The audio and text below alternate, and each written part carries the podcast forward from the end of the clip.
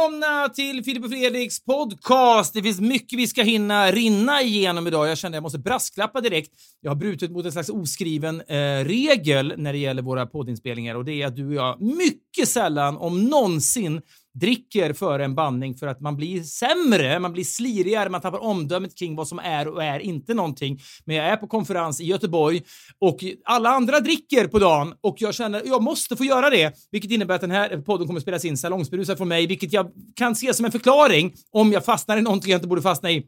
Jag känner att jag måste bara skriva mig själv fri från eventuella, eh, då, eventuella innehållsmässiga tillkortakommanden genom att säga detta. Jag har pausat mitt drickande nu, för jag tar mitt jobb på allvar. Men nej, gör inte det! Jag har inget att dricka här. Det finns inget, det finns inget på rummet, tyvärr. Alla andra sitter på krogen. Men, eh, hur är det nu? Sverige har inga minibarer längre. Nej, men det, det står någon liten korg här med lite grejer. Det är någon tandkräm. Nej, det, Välkommen herr Wikingsson. Och sen en liten, liten liksom, halvflaskas rödtjut. Mm. Ja, typ. Och det tänker nej, det är inget för mig. Så det, det är en paus. Och jag kommer under poddens gång att gå från salongsberusad till bakfull. Det här konferenslivet som, som ju faktiskt inte enbart eh, eh kan förknippas med, med vår mediebransch och så vidare, utan de allra flesta företag har, har väl åtminstone en konferens per år. Ja, och det är också lite uppsving nu efter pandemin att nu tror jag det konferensar som djävulen faktiskt. Så, och jag, jag känner att vi är en del av en folkrörelse när vi då åker ut i landet. Steam Hotel är fullbokat till liksom två år framåt i Känns Västerås. som att det kan vara så. Vi har alltid en tradition i Alla mot alla-gänget att åka till Göteborg där vi har vissa invanda liksom, beteenden. Men en del av det, det, det beteendet är ju då att man från klockan fem dricker, klockan är nu 17.44. Det innebär att två pints har gått ner i magsäcken på mig, det ska vi inte fastna i. Men det är en förklaring till mitt eventuellt bedrövliga poddande idag. Det får du köpa! Det är helt lugnt för mig. Men vad, vad, är, vad är planen ikväll känns det ändå? Nu har folk spånat klart. Mm. Ska folk då bli... Känn, då är det, det stinker belöningsmotiveringar. De flyger genom taket. Mm, ja, men så är det väl. Man, man tänker så här, ja nu går det lite på tomgång här inne, men om 75 minuter börjar vi dricka. Så är det någon, folk ställer in larm, nu är det bara 50 minuter Det är, kvar. så, det är så jävla roligt. Jag tänker om folk som inte är ute i arbetslivet. Det, ibland är det en abstrakt sak att prata om det här. Men när man hör hur någon som jobbar på den här konferenslokalen, att man hör hur en bricka med öl kommer, närmar sig ens rum. Det Mm. liksom slår lite mellan, vet, med, med flaskorna. Klirrar, ja det klirrar. Det är någonting som liksom livsglädjen kommer åter till människor och det säger väl någonting också om alkoholens Ja. Alltså alkoholens... Kraft, ja. ja och, och giftet och man kan ställa sig frågan då, ja, skulle det blivit eh, här, legaliserat om det, eh, om- det lanserades idag? Svårt att tänka mig det just med tanke på den, den starkaste nästan så här, den starkaste bilden när man här, sitter inför någon jävla konstitutionsutskott eller vad det nu blir då, eller inför riksdagen och här, nu är jag här, eh, jag har druckit mycket i mitt liv. Jag har druckit mycket i mitt liv. Ja, det har gett mig mycket, men nu vill jag att den ska, nu vill jag att den ska då, eh, vad heter det, förbjudas. Och här har jag då smygfilmat mitt eget företag som är på konferens och jag har satt upp specialhögtalare här i, i, korridoren utanför för att ni ska få ett fint ljud Av det klirret, ja. ska ske. Ja. Det annalkande klirret. Det var som jag satt satt och tittade eh, igår på den här serien Kalifat.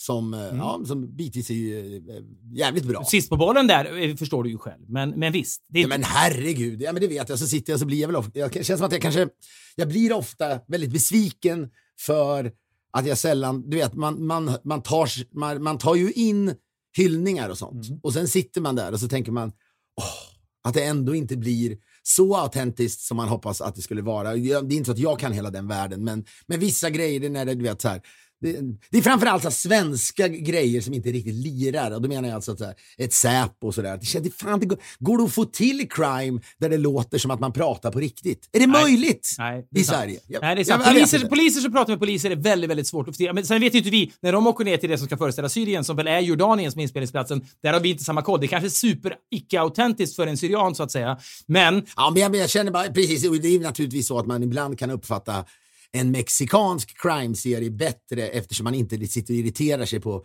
de så här, så här spanska språkdetaljerna. Men varje gång man, man då eh, konsumerar någonting man har koll på, läser jag en artikel i Time Magazine med Bob Dylan, då inser jag fan vad lite de kan. För jag kan ju den här världen. Samma sak typ var ju när man såg Snabba Cash-filmerna eh, och tyckte då att skådisarna från, från det forna Jugoslavien var så jävla bra för att de inte pratade svenska. Och så tänkte man, fan de är ju världens bästa skådisar. Jo, men det kanske de inte är för människor som förstår språket. Så, att man, så fort man är ute på, på hal is, det vill säga man vet inte vad de pratar om, eh, då är man ju mer benägen att köpa saker och ting. Men och, även om du och jag inte kan Säpo så kan vi, har vi ett hum om hur svenska liksom, poliser pratar med varandra och så ser man i kalifat så tänker man så där låter det fan. Ja, men så problemet är, det där tror jag är lite som, vi, det var inte så länge sedan vi pratade om eh, alla presidentens män och så vidare. Nu ska vi inte tjata om den gamla gubbrocksfilmen.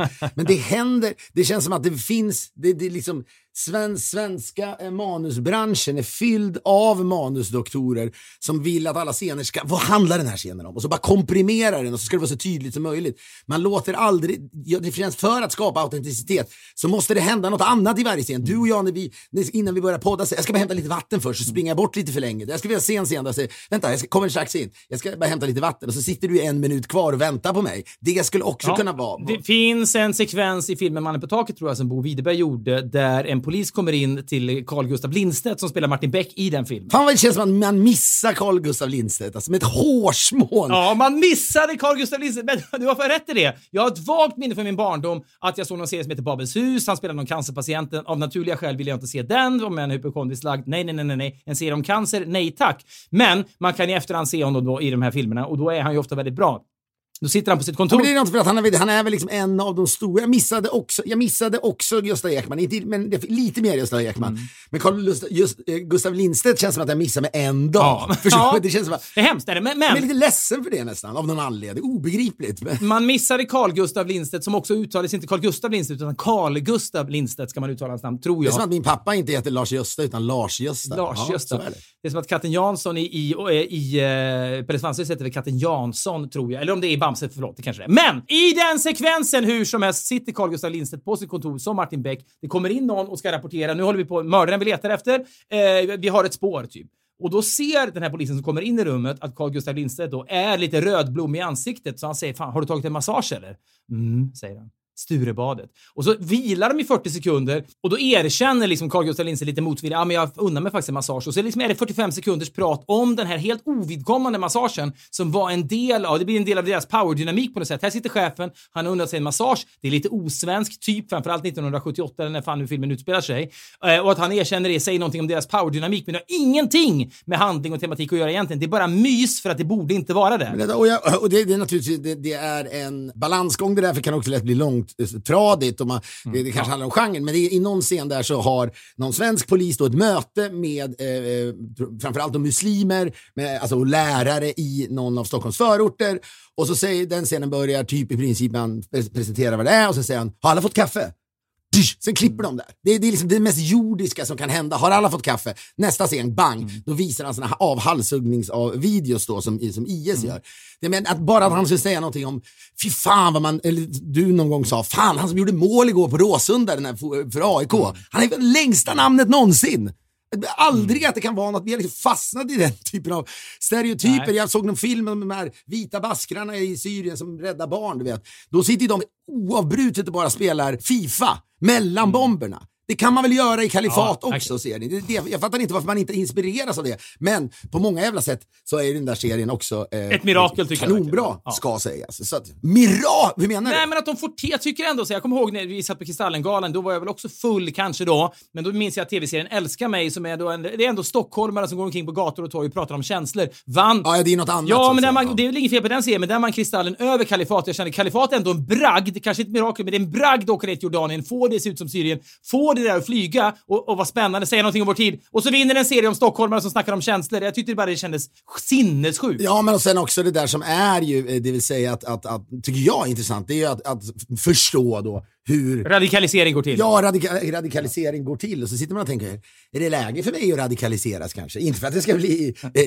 IS, men det, det, jag tycker alltid det är, det är så jävla intressant tycker jag och på samma sätt när man pratar om du vet, så här, alkohol som vi gjorde alldeles nyss. Kan jag bli alkis? Jag känner inte att jag är alkis. Men man vill ju vara en människa som skulle i teorin kunna radikaliseras på något sätt. Mm, ja, och, ja, absolut. Jo men vad fan, det hade vi, jo, men, så, men det är någonting med att Ja, men det är, mä- människan, är ju, för människan är fylld av dunkla, märkliga drifter. När man sitter i det jävla konferensrummet, för att leda tillbaka till den bilden då, så hör man klirret från en bricka buren av en människa som jobbar på det här konferensstället. Och den här brickan närmar sig. Hela stämningen i rummet förändras i grunden. Allt som gick i moll går plötsligt i dur. Allt som gick på tomgång känns plötsligt inspirerat. Och det, är- det är liksom sinnessjukt vilken makt den där klirrande brickan har över ens mående. Och på så sätt känner man att man är så jävla skört sammansatt av alla sina impulser att man är kapabel, tror jag, man kan, man kan hamna vad fan som helst när det gäller Ja, låt oss hoppas det. Och så säga, det är, för det här är ingen marginalisering av människor som då eh, hamnar, hamnar i det där. Men det är någonting, man, jag minns att jag var på Livets Ord någon gång. Och så var jag där med min syrra bland annat och hon satt i rullstol och så var det så Carola där på den tiden.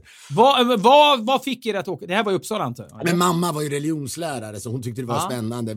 Hon tog också med mig på den, när den buddhistiska stupan invigdes i eh, eh, Arboga. Då, eh, vad heter det? Drömdag. Ja, men, ja, men det var lite kul. Mina föräldrar var ändå duktiga på att göra människorna som skulle dit till riktiga superkändisar. Och det var han också. Dalai Lama kom till Fällingsbro var det. Det var ju Fällingsbro Mm. utanför.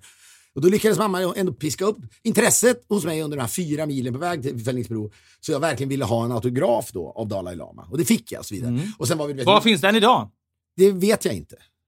Nej, synd. Det är mycket jag inte Jag vet om var, så här, var finns de eller den.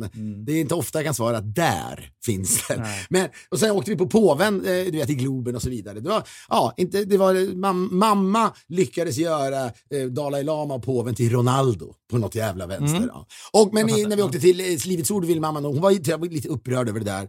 Eh, den, den så att säga. Grejen är, alltså, det var ju en tid i Israel, alltså det finns ju alltid eror när saker och ting blir eh, liksom, samtalsämnet som alla, en del av det kollektiva medvetandet. Det var liksom Knutby, Knutby tar väl aldrig slut, nu kommer en ny dramaserie, man är lite Är färdig man med inte Knutby. trött på Knutby? Är det någonting man är mer trött på i hela Jo, världen? jo jag, jag tror att jag menar, efter, efter den här dokumentärserien som HBO visade så kan det nog vara så att det finns en mättnad på Knutby som dramaserien som snart kommer med Alba. Men, ge mig tio kalifat med noll Knutby. Lite så är det. Men, men, och jag menar, efter de här händelserna i Knutby så var ju det på alla släppar ett tag och det, det är fängslande med den typen av rörelser. Men det var sannerligen så. Kring 89, 90, 91 någonting när Livets Ord kom. Carola gick med. Bra poster girl för dem på ett sätt. Lite som Tom Cruise blev för scientologin senare. Hon talade i tungor och så vidare. Men alla visste ju om att Ulf Ekman var pastor för Livets Ord i eh, i Uppsala och det var väl i den vevan antar jag som du då hade förmånen eller uttråkan beroende på hur det var att åka dit. Nej men, nej, men av allt det där man åkte på, jag, men jag, jag satt ju igenom så många katolska mässor och tyckte det var det tråkigaste jag varit med om i mitt liv.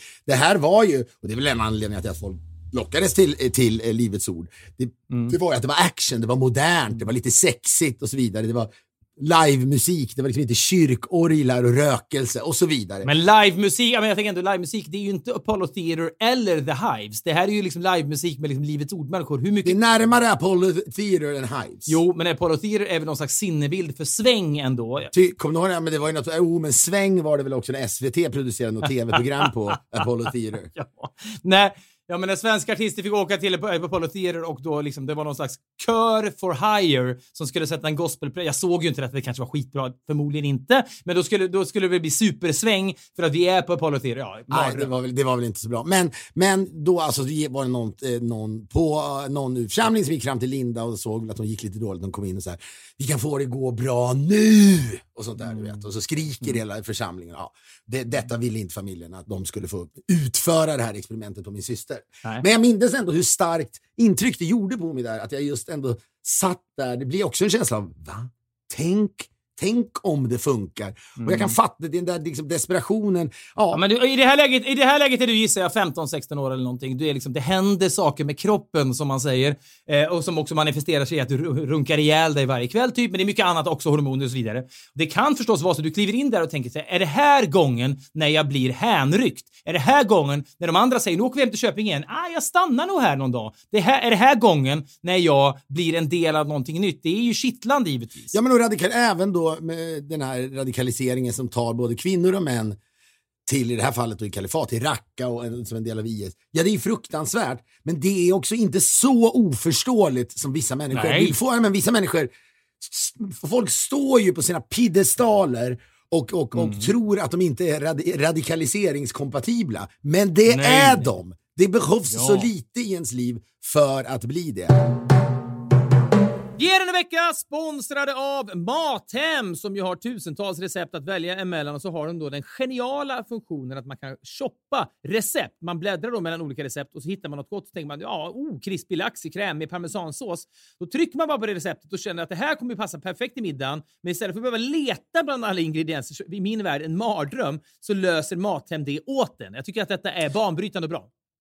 Ja, eh, man, man trycker då på eh, visa inköpslista, sin inköpslista och då, kom, eh, då kommer den upp va? och så trycker man lägg recept i varukorg. Det är liksom, så enkelt är det. För Så ska livet vara. Så ska livet vara i alla Är det, lite, är det livet i en liten ask Ja. eh, på något sätt i, i en, i en i Mathem-kostym? Ja, det, och det, det gläder en. Det är så man, man söker hela tiden känslan av att så ska livet vara inom olika genrer i ens liv hela tiden. Det här är då i matgenren. Det blir enkelt, man sparar mycket tid och energi. Detta är perfekt för sådana som mig och för dig tror jag också. Gå in på mathem.se så ser ni mer om detta. Vi säger stort tack till Mathem. Vi är denna vecka sponsrade av Lendo. Du visste väl att Lendo då även jämför företagslån åt dig som företagare då? Både du och jag är ju det Filip, på, våra sätt. Och som företagare är man alltid lite orolig för hur finanserna ska gå ihop. Det är nog många som har fått uppleva det senaste året som har gått då när när intäkterna kanske var ojämna jämfört med innan pandemin och så vidare. Ja, och då kan man ju då naturligtvis ta lån för att känna en viss trygghet. Och Lendo är ju Sveriges största jämförelsetjänst för både privat och företagslån. Så om du är företagare och går i lånetankar för att låna till exempelvis då likviditet eh, eller investera i nya lokaler eller kanske i nya inventarier, då kan Lendo hjälpa dig att hitta rätt företagslån. En ansökan tar bara några minuter att genomföra och du har ju då svar från långivarna, Fredrik, inom 24 timmar. Du kan ju också få svar från upp till 17 banker och långivare och någonting som är väldigt, väldigt bra. Du kan ha pengarna på kontot efter bara några bankdagar. Går du i lånetankar, börja alltid på lendo.se. Vi säger stort tack till Lendo. Jag ska berätta att jag sitter här nu. Jag, vi spelar in den här podden lite, lite senare än vanligt. Jag skickade en bild till dig igår kväll. Bilden du skickade till mig, som vi ska prata om nu, på dig själv, föreställande dig, är något av det jävligaste jag har sett. Det är alltså, jag ska inte överdriva, men det är något av det jävligaste jag har sett på dig. Visade du den för folk på konferensen? Ja, vad tror du? Det, vi, vi, vi, vi pratade inte om annat sen. Det var något av det jävligaste. Nej, det är väl fan inte kul alls. Jag, alltså, tyckte de synd om mig? Jo, men det fanns också någon slags ja, det är sa- 100% i samklang. Du vet att detta drabbar dig och inte... Fan, det, denna jävla samklang. Ja. Ja, ja, så kan det vara. Men jag var då så jävla mysigt. Jag var på något så här halloween event med min dotter Ilse igår kväll som var, ja men så- sånt de får ihop här. Alltså det som är liksom off-Broadway halloween-event. För det, det finns ju några gigantiska Universal Studios-grejer som du vet, kostar liksom Människor som inte har råd går dit och spenderar 300 dollar för man naturligtvis gör allt för sina barn som har suttit och tjatat om det här. Men det här är liksom ett hemmabygge i närheten av, av, av Pasadena. Eh, Det är liksom entusi- men det är lite som när du och jag gjorde 100 höjdare så mötte vi någon person som hade byggt en egen moské. Och, jag vet, kommer ihåg, någon, någon man träffade vi också någon gång som liksom uppe i någon jävla lada, man klev in som i en drömvärld av liksom... Uppfinningar Det var, det var, det var intressant. Ja, men sådär. Light displays. Ja, det var mycket ljusslingor och sånt där. Men det här är, det är liksom som att nå- några bara entusiaster har sagt men jag har den, jag har den och så har det växt och växt och växt för varje år.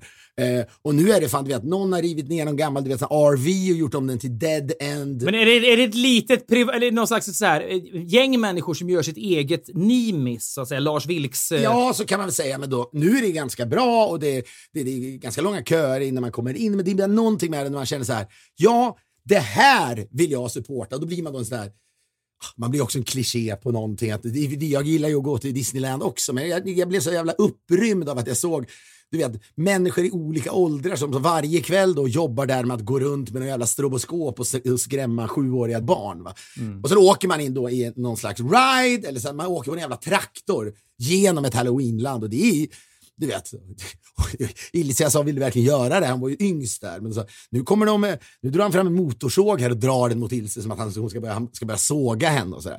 Gör man det så Jeez, i, de, I dessa Alec Baldwin-tider känns det som att det, det att är så sant. Det var det enda jag Det- satt det- och tänkte på. För det Det skulle ändå kunna liksom trimmas rätt så rejält. Den typen av så här, fan, vi slänger in lite motorsågar okej, om Alec Baldwin under en filminspelning som ändå har Ja, bara knivar, du vet så plastknivar. Ja, men Pirates det är of the Caribbean-knivar. Jag kan ändå liksom. tänka mig att, att den där branschen, eller liksom den typen av verksamhet har stramats åt något så in i.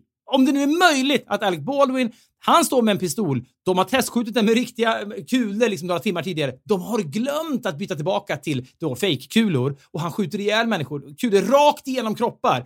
Då, äh, det är så jä- det, kan vi prata om, men det är så jävla... Men jo, men det är det som är, jag tänkte på det där när det där skedde, man kommer ihåg när det där skedde, eller när man blev varse något sånt där för första gången, när Brandon Lee och Bruce Lees son, Mm. som var så jävla på gång som skådis så det liknar inget. Han var på gång. Sannerligen på gång. Ja, eh, och då under någon inspelning, om det kanske var Atlanta eller har jag fått för mig, eller någonstans i södern, där bränns det också av en kula och han dör under inspelningen och efter det skulle väl allt tajtas till. Det kanske det gjordes också, men det är skillnad nu på något sätt. Alex Baldwin är ju det är lite, filmen känns ju värdelös, den känns liksom lite buskis. Han känns ju som en gammal liksom strulig gubbe. Kanske alkoholiserad. Pappa sent. Ja. Pappa för andra gången sent. Va? Det var väl någon, Mm. hans äldre döttrar som han skällde ut på telefon någon gång. Va? I något, Men Hon måste ju vara 40 nu kanske. Ja, men nu är, nu är, ja, men det är sladdis förälder-aura på honom. Så det Ja, men det är någonting med det där som man heller inte blir... Man blir liksom inte, jag tycker det är intressant när man inte blir klok på grejer. Vi är ju själva Mm. i vissa sammanhang, den här, vad är det han heter den här svenska killen? vi har träffat? Lexne. Anders Lexne. Han är, då, han är den här människan som ska säkra vapen på filminspelningar i Sverige. När du och jag gjorde tv-serien Ett herrans liv så, som då var en någon slags Just pastisch på eller liksom inspirerat av Här är ditt liv. Det vill säga eh, ett pers- personporträtt av svenska kändisar. Vi gjorde statsministrar, vi gjorde Kikki Danielsson, Lill-Babs, alla möjliga. Och då inleddes de alltid med en kidnappning. Eh, här är ditt liv-programmen, då skulle vi göra en pastisch på det så då gjorde vi kidnappning som var mycket mer brutala. Vi hade liksom eh, hagelbrakare, vi hade liksom strumpor över ansiktena, springer in, Lill-Babs sitter i en frisersalong, skjuter ihjäl frisören, kidnappar Lill-Babs. Det som var oerhört, det kan vi ha nämnt tidigare, det var väldigt, väldigt starkt. Två saker som hände när vi kidnappade Lill-Babs var ju då att Felix Herngren regisserar ju de här eh, sketcherna med oss, de här eh, kidnappningarna. Vi spel, gör en tagning, det ligger liksom så konfetti från de här jävla vapnen och det ligger liksom skräp överallt. Och du och jag och Felix står vid någon monitor och tittar, blev det här bra? Borde vi göra om det? Så ser vi att Lill-Babs då, två saker eh, som är häpnadsväckande med henne. Det ena är att ett, hon är den som står på alla fyra och bara torkar upp allt skräp som har blivit av den här första tagningen. Krutrester eller vad det nu är. det är så viktigt med det där att vissa kändisar är så här, kan man hjälpa till med något? Mm. Där, där de ställer frågan för att det sen ska skapas ett rykte om hur ödmjuka de är. Eller hur? Ja, sannerligen. Men det här var liksom inte Det här var ju genuint Ja. Vi ser i ögon, en rörelse i ögonvrån som Kent sjöng, att Lill-Babs står och städar upp och vi har inte bett om det. Ingen, vet, hon bara gör det här för att det är decent Men att det, hon är en kvinna som är gjord av lagtänkt. Ja. Ja, Lagtänk. Sannerligen. Och vi imponeras av detta. Vi tänker så här, fan, vi borde hjälpa till om detta. Vi är inte riktigt färdiga med att prata med Felix än, men vi ser detta och tänker, ja, hon är kanske Lill-Babs för att hon gjorde, gör sånt här. Och det är liksom oombett och det är, det är otroligt. Och vi ser också i samma sekund när hon står där på alla fyra och, och, och, och torkar upp att hon också bär stringtrosor för att då, eh, jeansen åkte ner lite grann. Det var också en, en, en, en, vad ska man säga, omtumlande insikt eftersom hon då ändå var passerat 75. ja, eller kanske, ja, det var, vi, vi exotifierade väl pensionärer i det läget. Och Jag tänkte att de kan väl inte ha. Stringtrosor och jag menar på många sätt var, gick hon i bräschen för det också. Så det God otroligt. bless her. Så att Ja, säga. Verkligen. Men i alla fall, denne Lexne då var alltid med oss på den, den här, de här kidnappningarna.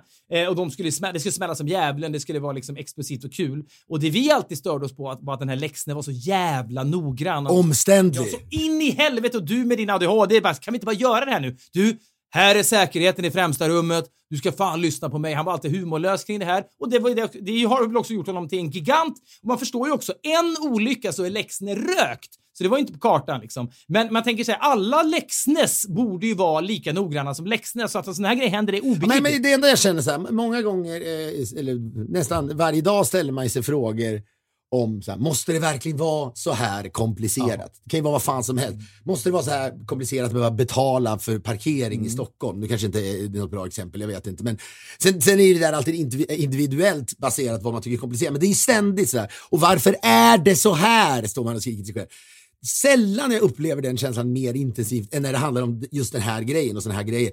Varför är det inte bara pistolattrappor, punkt, som inte kan ha vanliga kulor i sig? Jag fattar Nej, ingenting. Jag fattar här. Det är också väldigt lätt. Det är, all, det är också man tänker på att alla filmer ljudläggs i månader efteråt. Som det skulle handla om att man måste få det perfekta ljudet. Nej, men det gör de i efterhand. Ja, Jag tror att det som inte, om vi nu ska liksom ägna tio de gör väl massa jävla skit även på själva liksom vid, vid, mynningen för Ja, att se att det kommer en kul. men digitala effekter får de ju till så att det ser ut som att det kommer en, du vet att det liksom kommer en, liksom en flamma Han hade kunnat haft vad fan som hel- helst. Han hade kunnat haft en jävla liksom selleri. Ja, ja, men det enda som är grejen, gissar jag, det är väl att rekyleffekten en pistol har på en kropp är lite svårare att fejka. Eh, det syns kanske att det inte blir någon, någon liksom, att det rycker till om man har en fullständig selleri. Men då borde man väl kunna gjort en attrapp med en bra rekyl. På något sätt. Ja, men, men ska det bli rekyl, ska det bli rekyl måste någonting åka ur pistolen, annars blir det ingen rekyl. Har någon nu den här veckan i ett, i ett möte med eh, massa politiker sagt vi har ju varit på månen, kan vi inte fixa det här? Det, Säkerligen. Jag hörde, jag vet inte vem som berättade för det, men den första mannen på månen var ju Neil Armstrong då, som på ett sätt då är skyldig till att människor i över 50 år har sagt om vi nu kan sätta en människa på månen, skyldig. Honom är vi bara,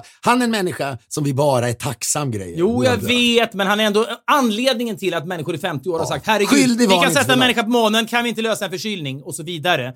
Men någon berättade för mig, jag vet inte vem det var, att när 60 Minutes ville göra en intervju med Neil Armstrong, han var ju då känd för att han drog sig undan, han ville inte göra media överhuvudtaget, han var väldigt, väldigt mycket av en ensamvarg. Till slut sa han till 60 Minutes, okej, jag kan ställa upp äntligen då efter alla år av radiotystnad på det definitiva porträttet av mig. Bara ett enda villkor har jag. Jag har ett villkor.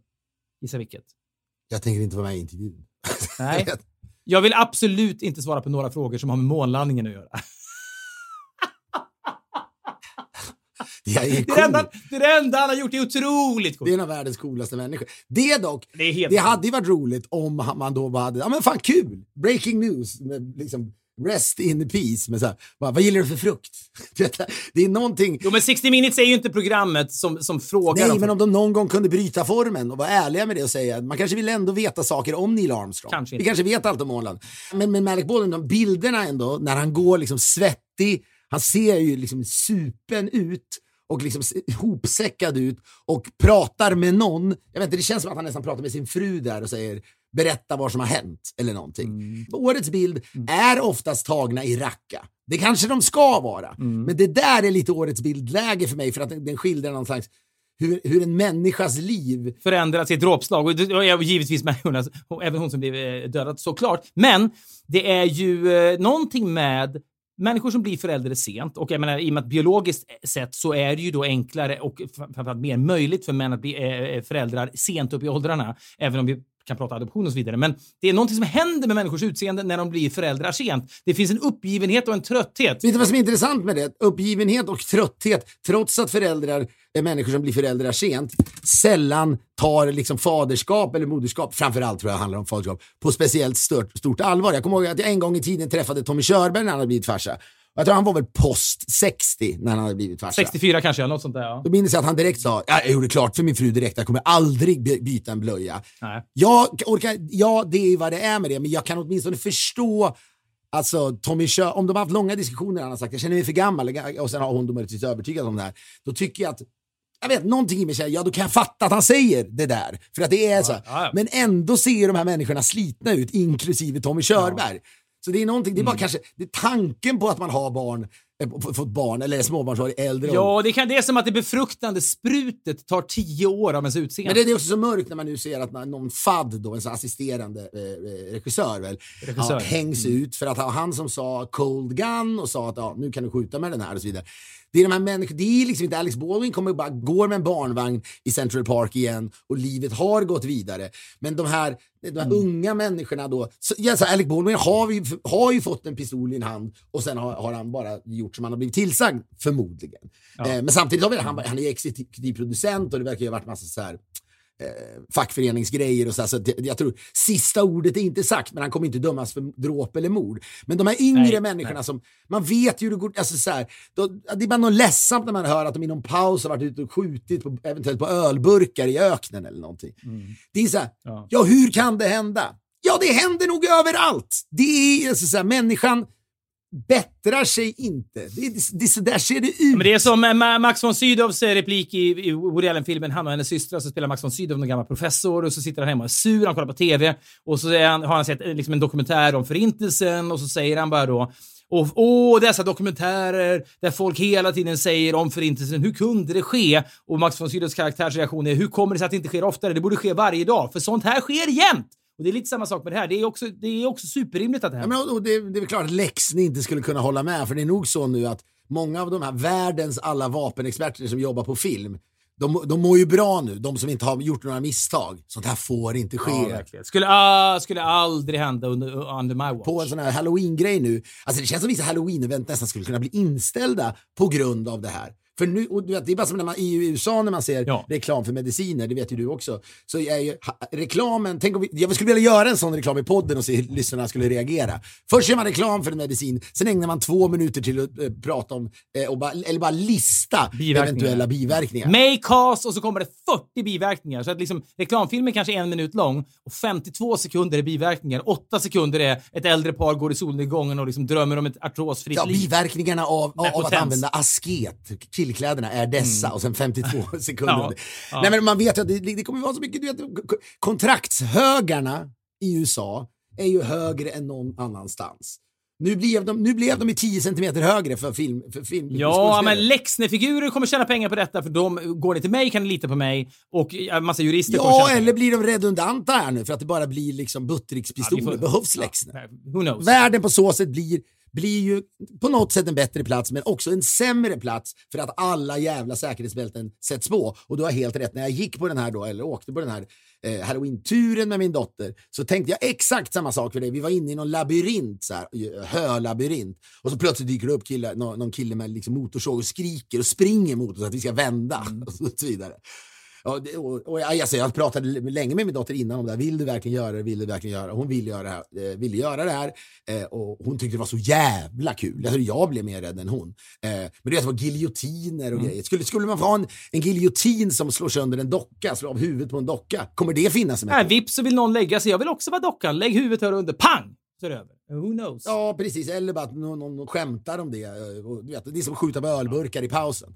Ja, men det, så här, jag, vet, inte, jag var så jävla ändå uppspelt av att det fortfarande går att göra indie-grejer i den här, eh, en, en värld som, som bara består av, du vet, eh, lekparker och vattenparker och eh, eh, Lisebergs grejer som är ägda. Du menar helt enkelt, här är ett privat initiativ. Några människor har gått ihop, byggt någon slags Nimis halloween-liknande land med egna resurser och så kan folk komma Ja, dit. men och fått kommersiell framgång på det. För jag tror att det är svårt, det är liksom svårt att ut... Du kan ju säga när, när någon liksom executive på, på liksom Universal hör att de börjar utveckla den här typen av halloweenland. Han skrattar ju så mycket så att kaffet, liksom, kaffet bara sprutar ur munnen på honom. när, när han, ska detta gå? Tror ni det? Ska det?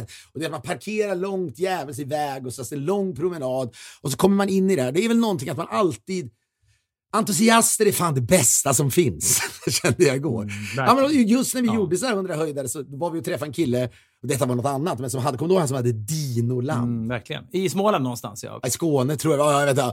Alltså jävla starkt ändå. För Jag minns att han hade, han hade byggt upp någonting som hette, hette Bockarna Bruse och att Bruse stavades B-R-U-C-E minns jag väldigt tydligt. Alltså Bruce, det måste varit en felstavning. En jättemärklig stavning på Bockarna Bruse annars. Eller så var han bara lekfull. Ja, kanske.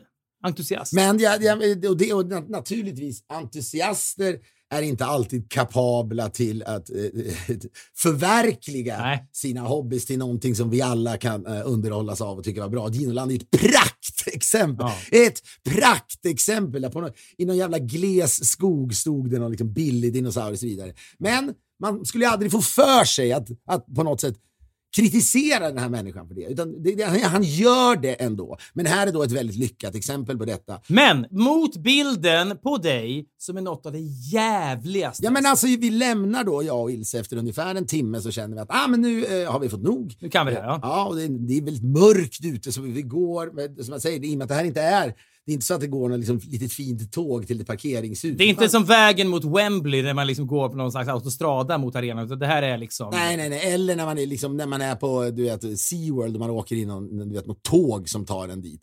Utan här är det man bara, liksom, man bara trampar på, i något, liksom, någon jävla grä, liksom lerig Mm, grä, ja. gräsplan för att ta sig in. Ja. Och där går alla. Så, du vet, och så är det festiv stämning. Det är väldigt Ja, men det, är väldigt, det är väldigt sådär, inte Lord of the Rings, utan men det är den typen av människor som Mm. gillar sånt. Du förstår vilka typ det är. Jag är inte helt, eh, jag känner mig lite, lite Men det är väl människor som, jag människor som när katt. de upptäckte rollspel i sina tonår så var de benägna att sugas upp i dem. Jag testade ju rollspel med min kompis Hugo von Seipel. Han sa nu ska du hem, kom inte med, vi ska spela Drakar och Demoner. Det är helt sjukt, man hamnar i en värld av drakar. Man, du vet, det är inte klokt. Plötsligt så står man och har ett, ett, ett, ett, liksom ett svärd, en svärdfight med någon jävla troll. Och då såg jag framför mig att det var någon slags virtual reality-realisering äntligen, När man har hört om. Jag spelar lite dataspel, nu äntligen får man sätta på sig glasögon och försvinna in i en hel värld. Och så sätter jag mig med Hugo och han slår en tärning. Ja, om du får en trea här så innebär det att du får en bra träff på trollet. Okej, men vad är trollet? Ja, trollet finns bara i ditt huvud.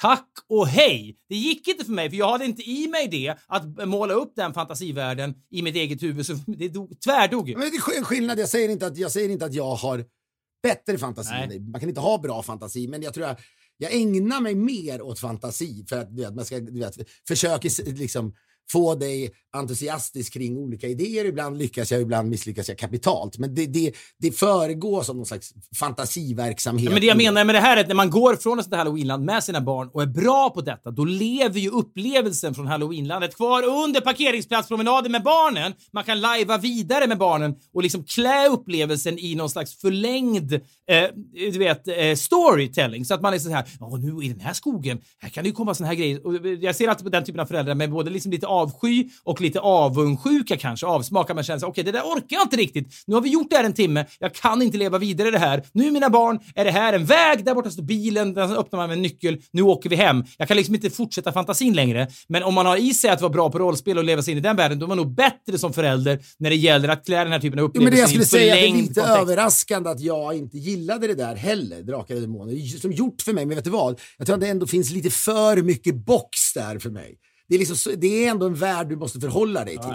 Jag måste, ja, det, det, är no, det är någonting i det som ändå känns väldigt ofantasigt också. Men vi går där och alla de här gängen och så säger jag till Ilse att fan jag måste pissa. Så jag går bort mot ett träd. Säger du pissa eller säger du kissa till din dotter? Jag är bara nyfiken. Nej, jag tror att jag säger kissa kanske. Ja, jag menar det. Ja, mm. autenticitet är viktigt för mig. Du säger väl pissa? Du har ju alltid sagt pissa. Äh, inte med barnen ändå. Det för, förändras. Nej, nej, okej. Okay. Känns ändå, för nu säger till farsan, jag ska bara gå och pissa. Ja. Jo, absolut. Men barn, det, det känns som ett övergrepp att säga pissa. Men han sa pissa kanske? Nej, nej, nej. nej. Kissa. Han, han säger att kasta lite, som pappa sa ibland, kasta lite vatten. Vilket är så jävla äckligt. Ja, men man, man vet att man håller på att bli vuxen när, när farsan går från att säga kissa till pissa. Då förstår okej, okay, nu är jag en del i gänget. Men och så går jag mot det här trädet och säger till sig och vi hade någon, liksom, någon dryck och säger till sig och hålla i, hålla i den. Du är också en person, får jag bara fråga, du är också en person som, jag minns att jag gjorde en undersökning om eh, människor som står på en stor parkeringsplats eh, och så är det tio människor och de får ställa sig var de vill på parkeringsplatsen och är det parkeringsplatsen helt tom då sprids de ut ganska mycket över parkeringsplatsen. Men ligger det en Coca-Cola-burk av en slump på Eh, en del av parkeringsplatsen, då samlas de i en ring runt Coca-Cola-burken trots att Coca-Cola-burken inte har något värde alls. Det är bara någonting att stå vid. Detta är då en intressant kanske insikt i mänskligt flockbeteende, vad vet jag. Men på samma sätt, om man ska kissa eller pissa någonstans och det inte finns ett träd, ja då har man inte så mycket val. Men finns det ett träd, då ska man bevattna det trädet. Det är också märkligt. Och du, du är, även du är en sån person. Ja, men det är någon slags välgörenhet det handlar om ändå. Ja, yeah, okej. Okay. Från jord ska du komma och jord ska du åter varda ja, det, det regnar inte så mycket. Nej, bra. Men eh, Sigge Eklund är ju riktig. Han, han är så mycket välgörenhet med tanke på hur länge han kissar. Ja, enormt. Sigge kan ju liksom rädda en 500-årig ek med en pissning. ja, verkligen. Nu klarar den sig i 400 år till. Ja. Otroligt. Sigge mm. får medalj. Kallas mm. för så här, Be Beverly Hills Town Hall. Här är han. På samma mannen. sätt som på tjuren Ferdinand-eken så är det olika plaketter när tjuren Ferdinand växer. De, de ristar in åtminstone i trädet. Det ska man kunna, varje gång Sigge kommer förbi och pissar på den där eken så kommer det en ny liten plakett eller någon slags årsring. Sigge var här igen. För en, för en vecka sedan fanns det planer på en ceremoni när den här eken skulle fällas. Ja, den var döende. Allt tack vare denne man. Sigge ja, Eklund. Så två och en halv minut vattnade denna ek till liv ja, igen. Ja. Men när jag går mot den här, det var väl ingen ek med träd, då känner jag bara någonting gå rätt in i ögat på mig. En gren. Och det, det, var, det var bland det obehagligaste jag varit med om hela mitt liv.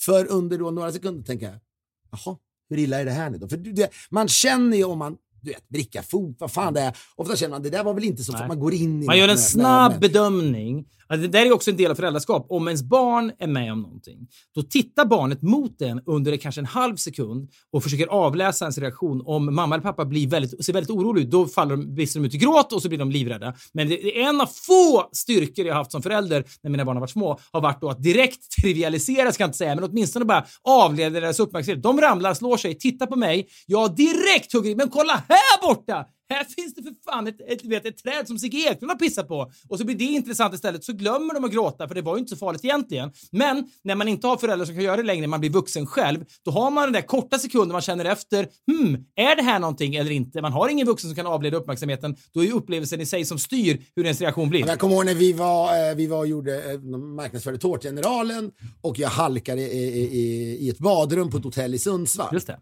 Och då var det också pang!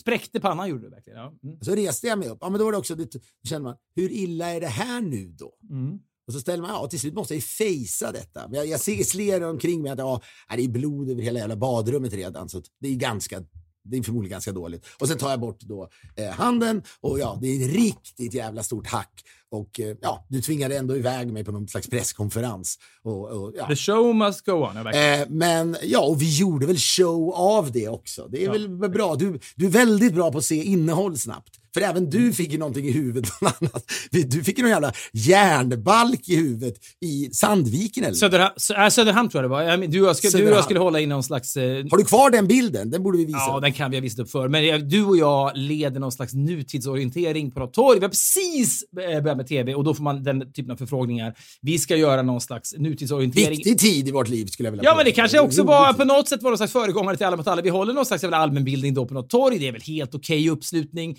Det är någon del av någon slags gatufestival eller någonting. Vi står där. Det, är, det är en vanlig svensk tidig sommaruppslutning uppslutning Ja, på ett ja. Det är glest där. Det är glest. Ja, vi, vi ställer frågor upp på scenen. Du kastar ut i publiken. Nu måste Fredrik eh, höra vad ni säger här ute. Jag springer ut med någon trådlös mick. Ska tillbaka upp på den här, det här lastbilsflaket där scen, den provisoriska scenen är skapad och drämmer då huvudet rakt in i någon järnbalk eh, som går... Och eh, far, ramlar med bakåt. Alltså jag hör ju smällen. Svimmar verkligen. Och man hör mitt gurglande, i och med att jag är myggad så hörs, hörs mitt gurglande ut över publiken. Folk undrar hur det här gick. Och då blev jag ju då tagen till vårdcentral, omplåstrad fort som djävulen, bandage över hela huvudet, kommer tillbaka, fullföljer skiten ändå. Det var väl en ganska starkt. Alltså det är, ja, men det är otroligt. Men, men som sagt, och även då visste du, mm, det här gick nog inte så bra. Nej, men inte så dåligt heller. Nej, men inte så dåligt. Nej, men jag kände väl här att, vänta nu. Eh, det var liksom, det är helt becksvart ute också. Mm. Så jag ser liksom inte blodet direkt. Och jag sa till sig, oj, oj, oj, nu hände någonting. Nu fick pappa en eh, gren i ögat. Ja, men det är, det är någonting med ögat också som är så jävla liksom... Definitivt är det Ja, men jag hörde det är någon NHL-spelare som var hemma, om det var han Mika Zibanejad eller vad det nu var som spelade i Rangers, men, men du vet människor som har skrivit på kontrakt på liksom fem, sex år, 600 miljoner kronor, vad det nu är. De spelar paddel, bollen studsar i glaset in i ögat och i fem minuter ligger han på rygg och tänker, "Ja, jag ser ingenting ur ögat. Jag kanske har blivit blind på det ögat nu, irreversibelt. Och vad händer då med mina 600 miljoner kronor? Det är liksom så jävla mycket som står på spel. Ja, och bara ångesten slår till över att inte kunna se. Man vet liksom att ögat är så känsligt. Det är någonting som trasas det sönder så är det över. Alltså på samma sätt som att det borde inte kunna hända den här typen av liksom Alec Baldwin-incidenter.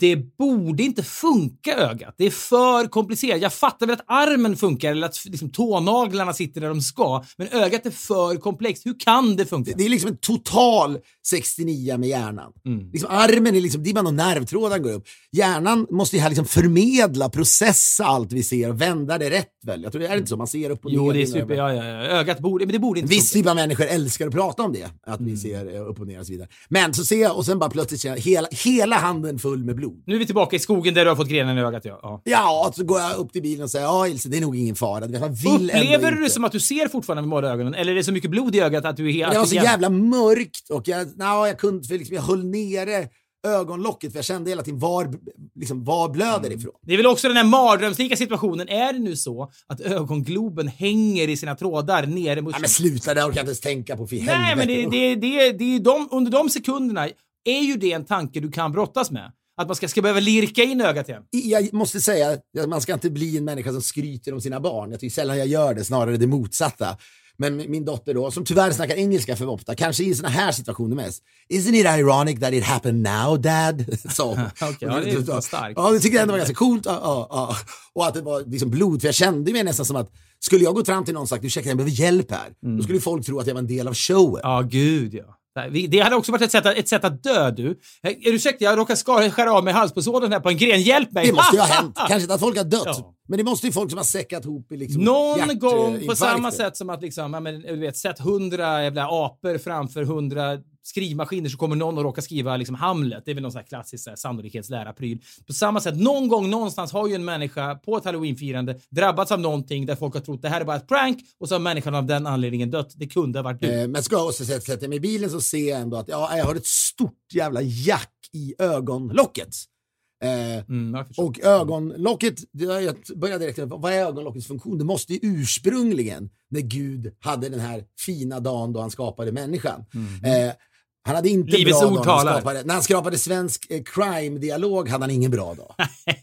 Nej, det hade han Jävlar vad bakis han var då. Ja, det var. Helvete. För, apropå bakisberg, får jag, jag slog mig nu, att jag läste ändå, det är någonting härligt, ja, men det, det aktualiseras av att man är på konferens och man dricker en del, man vill vara skärpt på dagarna, så till hur ska man hantera bakfyllan och så vidare. Jag bara läste någonstans att Ulf Lundells kur när han var som mest bakis, när han drack som mest på 80-talet, var att han gick ner till den här kinesrestaurangen Sun Da. Den känner du till? Jag tror att det är något som heter Ja, på, jag tror vi pratade om det bara för en, alltså, vi pratade om detta för någon vecka sedan. Tror jag. Ja, exakt. Det kan vara därför jag tror jag fick ett mail av en poddlyssnare till podcast.poddff.com som bara skrev om hur Lundell i sina böcker har skildrat denna återställarstund på Sunda. Och det han gjorde då för att bli kurant igen Får jag bara fråga, det här går väl en rät linje från det här till den här liksom vagnen med öl som rullas in i ert konferensrum? Alltså samma, det är samma mekanismer. Ja, den klirrande brickan. Absolut, så är det ju. Men Lundell, vi får den här brickan framåt eftermiddagen. Lundell satte sig här strax före lunch för att det skulle bli en dag av det.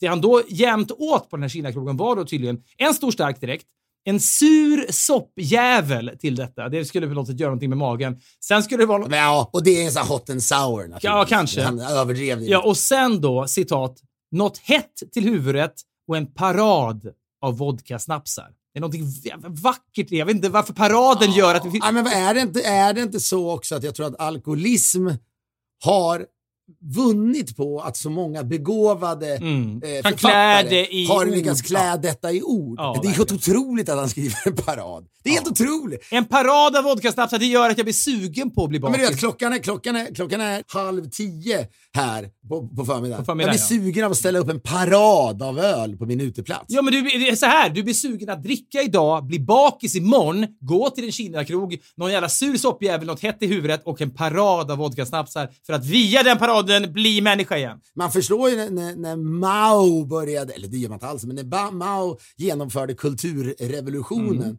och väl brände. Luddig. all litteratur för, förutom... Är, det, är den luddig? Ja, men det känns väl superluddig, eller? Han hade väl också... Men vadå, det, det handlar väl bara om att kontrollera folket och all samhällskritisk litteratur skulle brännas. Var han, ja, men var han inte, det var väl också, han hade väl andra idéer? Var det inte någonting om Jo, att... han skulle, det var väl... Ja, men det handlade, var, handlade inte också om att han tog allt land bara? Var Jo, det men så var det också någon fågel som han tyckte var för jävlig som sabbade på något sätt så de skulle utrota, låt säga, gråsparvar. var liksom- Nej, men alla kineser, en miljard kineser blir ombedda. Ser du en gråsparv, döda den jäveln. Och så försvann gråsparvar. Och då glömde de bort, ja just det. Nej, jag vet. Jag vill säga att han var luddig. För när alla jävla miljarder gråsparvar försvann, ja då blev det ju mycket mer myggor eftersom gråsparvarna till stor del äter upp myggorna. Så då blev det nog en mygg... Han är ju inte den första diktatorn. Tagit dåliga beslut. Nej, men han kanske... Nej, men för det, jag läste, kanske jag sa någon gång, men jag läste om Ekvatorial Guinea som är då ett väldigt, liksom, ett land man aldrig pratar om nästan Nej. i tror jag, Västafrika.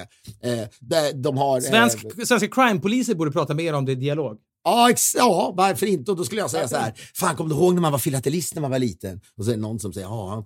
Då hade de frimärken som var avlånga med bland annat Edwin Moses på. När han, när han då... 400 meter häckläppare. Ja, i Los Angeles.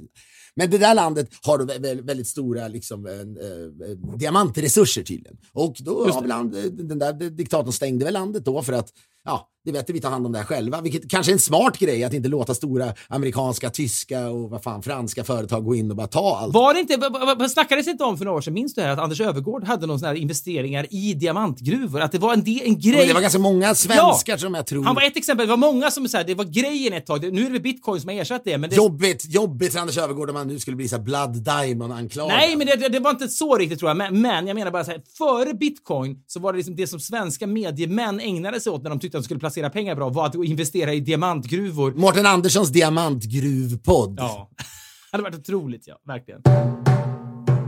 Vi är denna vecka sponsrade av en av världens mest sålda whiskys, Jameson. De var med oss förra året och nu har vi hoppat i säng med varandra igen. För tredje året i rad så stöttar ju Jameson organisationen Movember för att öka medvetenheten och supporta deras viktiga arbete till förmån för mäns hälsa och i år ligger fokus på ett av Movembers tre fokusområden, mental hälsa. Man kan då engagera sig på olika sätt i det här Movember. Man kan exempelvis raka av sig all ansiktsbehåring inför första november och sen då odla en mustasch som man har hela november som pryder ens överläpp då. Man kan också donera pengar till Movember. Det här är ju ett otroligt viktigt ämne förstås. Vi är glada att ha med Jamison under november månad för att uppmärksamma detta. Gör det ni med! Läs mer på Movembers hemsida eller på jamesonwhiskey.se. Vi säger stort tack till Jameson.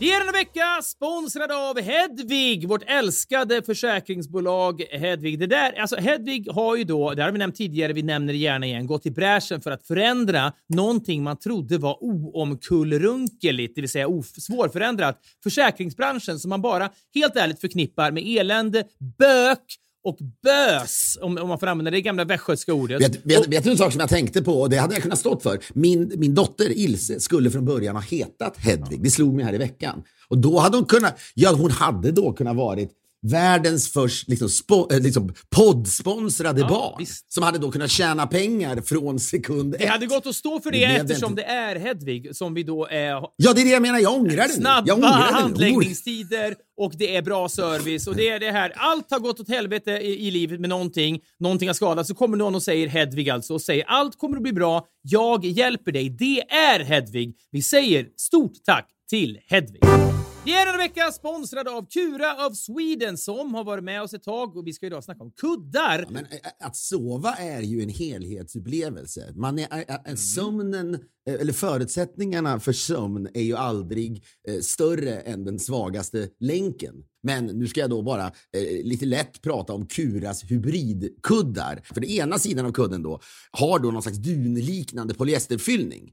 Eh, classic Mm. kanske man ska säga. Medan den andra sidan då har memory foam. Visst är det härligt? Och en svalkande gälplatta. Och det här är sant, jag har känt det här. Den här svalk, svalkningen som gör att åtminstone då, det är min favoritsida. Va?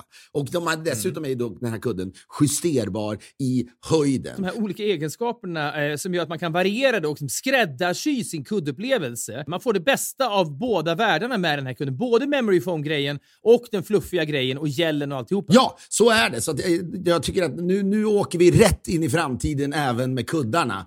Och jag har aldrig sovit bättre i hela mitt liv. Testa det här. Med koden FilipFredrik25 så får ni då 25% rabatt utöver den prissänkning som Kura redan har gjort. Gå in på Kura of Sweden, C-U-R-A of Sweden.com. Vi säger stort tack till Kura. Men alltså, om man skulle vara då en radikaliserad eh, nykterist som ska försöka då sprida sin gospel och få med sig så mycket människor som möjligt på det här tåget. Då skulle man ju förbjuda liksom, Lundell-litteratur, Bukowski-litteratur, Ja. B.O. Enquist-litteratur, eh, Åsa Linderborgs ah, Åsa, Linderborgs Mejageringen kanske man skulle använda snarare som litteratur. För att det, Ja, det, det är väldigt lite mer avskräckande. Ja. Det finns ju mörka böcker, men just här, böcker där, där, där det står att det, det på bordet ska placeras en, liksom en vodka-snapsparad. Den litteraturen måste i så fall brännas upp. Det är någonting för Mao att ta tag i snarare än sparvarna kanske. Oaktat vodka-snapsparader och, eh, Ja. och, och, och liksom romantiserad eh, alkohollitteratur så, så säger man när jag står där då eh, vid bilen och inser hur mycket det blöder och ser att det är ett stort hack i, min, eh, eh, i mitt ögonlock så känner jag ju nästan också, fan det här kanske räddade min syn. Nu ska jag visserligen till en läkare här nu på förmiddagen här och, och få, ja, de, de sa när jag ringde dem igår att de sa, well, det gillar man inte att höra ändå. Det är mycket man inte gillar att höra när det handlar om läkare, men it's a very sensitive part of your body. So we would really recommend you to come in. Kan du i teorin få en fas nu med lapp över ögat? Det är väl ändå någonting? Ingen aning, det tror jag. Jag tror inte det. Men jag tror inte jag kommer förlora synen. Men det är så fan inte bra detta när det skedde och man blir ju jävligt rädd. Och jag gör ju innehåll av detta för jag skickar direkt en bild till dig på mitt öga också. Och den bilden var något av det jävligaste som sagt. Ja, men jag vet. Och sen, men då känner jag alltid när jag gör sånt till dig, ibland så hamnar det där på, på liksom Insta innan jag ens själv har hunnit ge, grö, ge grönt ljus. Vilket Vilket jag tycker är kul när du gör, om du liksom lägger ut någon jävla eh, konversation vi har som är obegriplig och så vidare för att jag håller på med autocorrect eller vad fan det kan vara. I det här fallet så var jag väldigt snabb med att skriva, lägg inte ut det just för att den var så obehaglig och för att jag tänker om min farsa ser den där så ser, känner man helvete, han skulle kunna bli orolig. Nu kan du lättvis lägga ut den i samband med Ja. podden. Men det var ändå någonting, när man är med om små jag ska inte säga att jag är tacksam över livet, men Nej, eh, vissa, människor skulle väl, vissa människor skulle väl säga att man ska köpa en trisslott eller någonting. Ja, det, är en, det är en logik jag aldrig har köpt heller riktigt. Och, jag menar, Ska du köpa en trisslott åt mig och skrapa den och lägga ut? Jag, kan- vet vad? Jag skulle, kunna, jag skulle kunna sitta här och säga ja, visst absolut Filip, ska jag gå och göra, men sen är det också en konferensfest som lurar runt hörnet. Det är bättre, uttrycket vi har satt folk på månen är bättre än köp en trisslott. Så är det. Sannerligen. Men jag säger bara avslutningsvis, jag undrar om, om, eh, om den just har flera då, eh, eh, användningsområden eller ska användas för eh, eh, syften, ögonlocket. För, är det för att man ska somna då? Vissa människor kan ju sova med öppna ögon. Är det för att, liksom, det- att det är rullgardinseffekten? Men det måste framförallt vara just det ögonlocket gjorde med mig här nu på något sätt. Fast å andra sidan, jag har ju öppna ögon när det sker. För att, ja, whatever. Men det är vad jag börjar tänka Jag på. ska säga så här, få, få saker. Jag som Intresserar har dig mindre än det här. Okej. Ja, men alltså, jag har haft turen att ha mina ögonlock Vilken tråkig not. Ja, det, är, det är otroligt tråkig antinot att gå ut på. Men vet du vad? Jag kommer inte gå ut med den här noten. Jag kommer att gå ut i Göteborg med mitt gäng. Jag tycker så här, krama om redaktionen. Jag tycker mycket, mycket om de här människorna som gör programmet Alla mot alla som också alltjämt rullar.